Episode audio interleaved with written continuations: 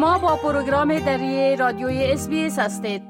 حال با جاوید روستاپور خبرنگار پروگرام دری رادیوی اس برای جنوب آسیا. به تماس هستیم که اونا درباره تازه ترین رویدادها در ارتباط به افغانستان معلومات میتن آقای روستاپور سلام عرض می‌کنم. خب گفتم میشه که حذف افغانستان از ائتلاف جهانی رسانه ها باعث سر و صداهای بسیار زیاد شده بله؟ با سلام وقت بخیر آقای که بله امان گونه که شما اشاره کردیم از افغانستان از عضویت اطلاف جهانی رسانه ها واکنش های بسیار جدی در داخل افغانستان به همراه داشته. به تازگی عضویت افغانستان در اطلاف جهانی آزادی بیان لغو شده. خبرنگاران و نهادهای رسانه‌ای در افغانستان گفتند که اصل نام افغانستان از فرست این نهاد بین‌المللی عادلانه نیست و یک طرف است. خبرنگاران واکنششان این بوده که در وضعیت کنونی افغانستان به حمایت نهادهای بینالمللی رسانه ها نیاز دارد و این نهاد باید تصمیم خود را در این رابطه ملغا بسازد و تجدید نظر کند در رابطه با این تصمیمش. اما این سازمان گفته که کار رسانه در افغانستان و فعالیت رسانه در افغانستان دیگر میار این سازمان را پره نمی‌کنه و به همین دلیل عضویت افغانستان حذف می‌کنه از جمله طالبا هم در این رابطه واکنش نشان دادن. عبدالمتین خانه مشاور و سخنگوی وزارت فرهنگ طالبا هم گفته که این تصمیم یک طرفه است و جامعه جهانی می‌خواهد با استفاده از راه های مختلف و گفته از او حکومت طالبا را مورد فشار قرار دهد. این در حالی است که نهاد نه یا حمایت کننده رسانه های افغانستان هم که امروز به مناسبت روز جهانی تلویزیون یک اعلامیه نشر کرد و در اعلامیه خود گفته که پس از تسلط طالبا 50 درصد تلویزیون های افغانستان متوقف شده و فعالیت خود مسدود ساختن و نشاط خود مسدود ساختن. از سوی دیگر هم انجمن بینالمللی زنان در رادیو تلویزیون با نشر یک نظرسنجی از خبرنگاران و کارمندان رسانه ها در ولایات مختلفی افغانستان گفتند که مداخله طالبان در کار رسانه ها بیشتر شده و وضعیت استقلال رفعی رسانه ها را شدیدن زیر تاثیر قرار داده. این نهاد در گزارش خود گفته که با روی کار آمدن طالبان شمار زیادی از خبرنگاران بخصوصا خبرنگاران زن کار خود از دست دادن که بیشتر از 67 درصد زنانی که در رسانه ها کار می‌کردن خانه نشین شدند.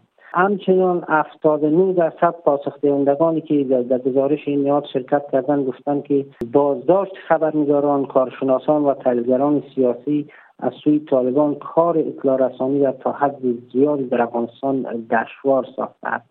از سوی دیگر مشکلات اقتصادی و بیشتر کدرهای رسانه‌ای افغانستان را ترک کردن. این مسئله سبب شده که کار رسانه‌ای و فعالیت رسانه در افغانستان به گونه فلج شند و تعدادی از رسانه‌ای هم فعالیت می‌کنن فعالیت آزاد ندارن و تحت تاثیر طالبا قرار دارن و همه برنامه های از او باید از سوی طالبا اول فیلتر شد و دوباره به نشر برود بله خب گزارش شده که برادر عبدالحمید خراسانی آمر امنیت طالبا در پنچیر و چهار نفر از محافظینش به اتهام قاچاق سلاح از طرف مقامات طالبا دستگیر شدن بله؟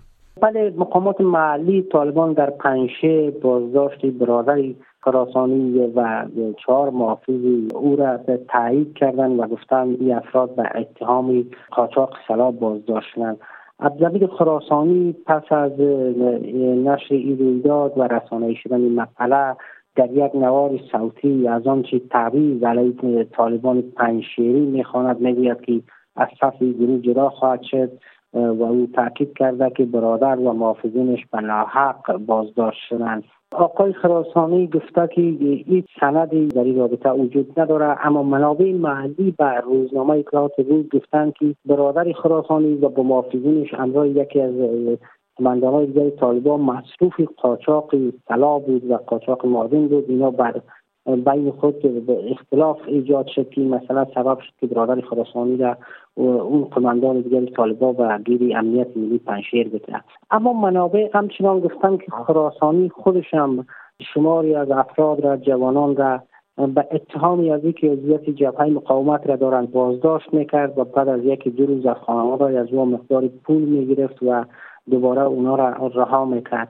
زدباندا در پنشیر بر سر معادن است که آقای خراسانی هم قبلا آمری امنیت پنشیر بود. از طرف حقانی وزیر داخله تعیین شده ولی چون در پنشیر بیشتر طالبان کنداری یا شاخه ملابرادر حاکم هستند اون را از سمت آمری امنیت پنشیر برطرف کردن و فعلا سمت رسمی خراسانی در پنشیر ندارد. تنها با افراد زیردستش در برابر نیروهای جبهه مقاومت در جنگ است.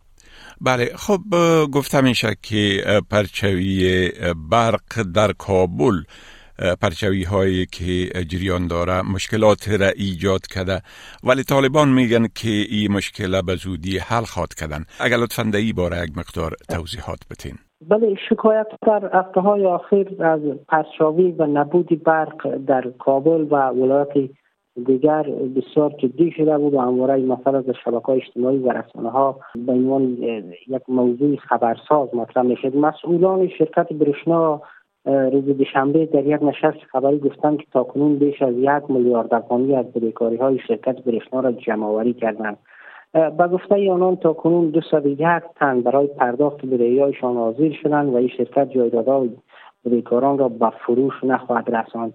اما این در حال است که گزارش شده که به دلیل قرضداری شرکت برشنا از کشور ازبکستان که برق به افغانستان وارد کرده این که کشور برق بسیار کاهش داده و کابل و هفت ولایت دیگر فعلا در 24 ساعت بین 5 تا 6 ساعت برق دارن که مردم را بسیار مشکل مواجه کرده.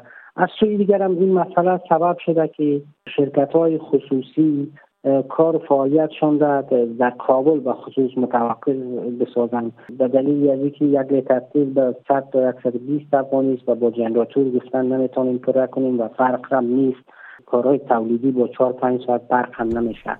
با فرا رسیدن فصل زمستان وقتی که برق هم نباشد مردم هم با بسیار مشکل رو برستان ولی دیده شد که آیا طالبان دوباره این موضوع رو حل می‌کنن با این پولی که گفتن جمعوری کردن می‌تونن قرضای شرکت برشنا را که از ازبکستان قرضا است بپردازن یا اینکه مشکل برق در فصل سرما همچنان ادامه خواهد داشت؟ بله خب بسیار تشکر آقای روستاپور از این معلوماتتان و فعلا شما را به خدا می سپارم و روز خوش برتان آرزو می کنم وقت شما هم خوش خدا حافظ ناصرتان. بپسندید شریک سازید و نظر دهید. اسپیس دری را در فیسبوک تعقیب کنید.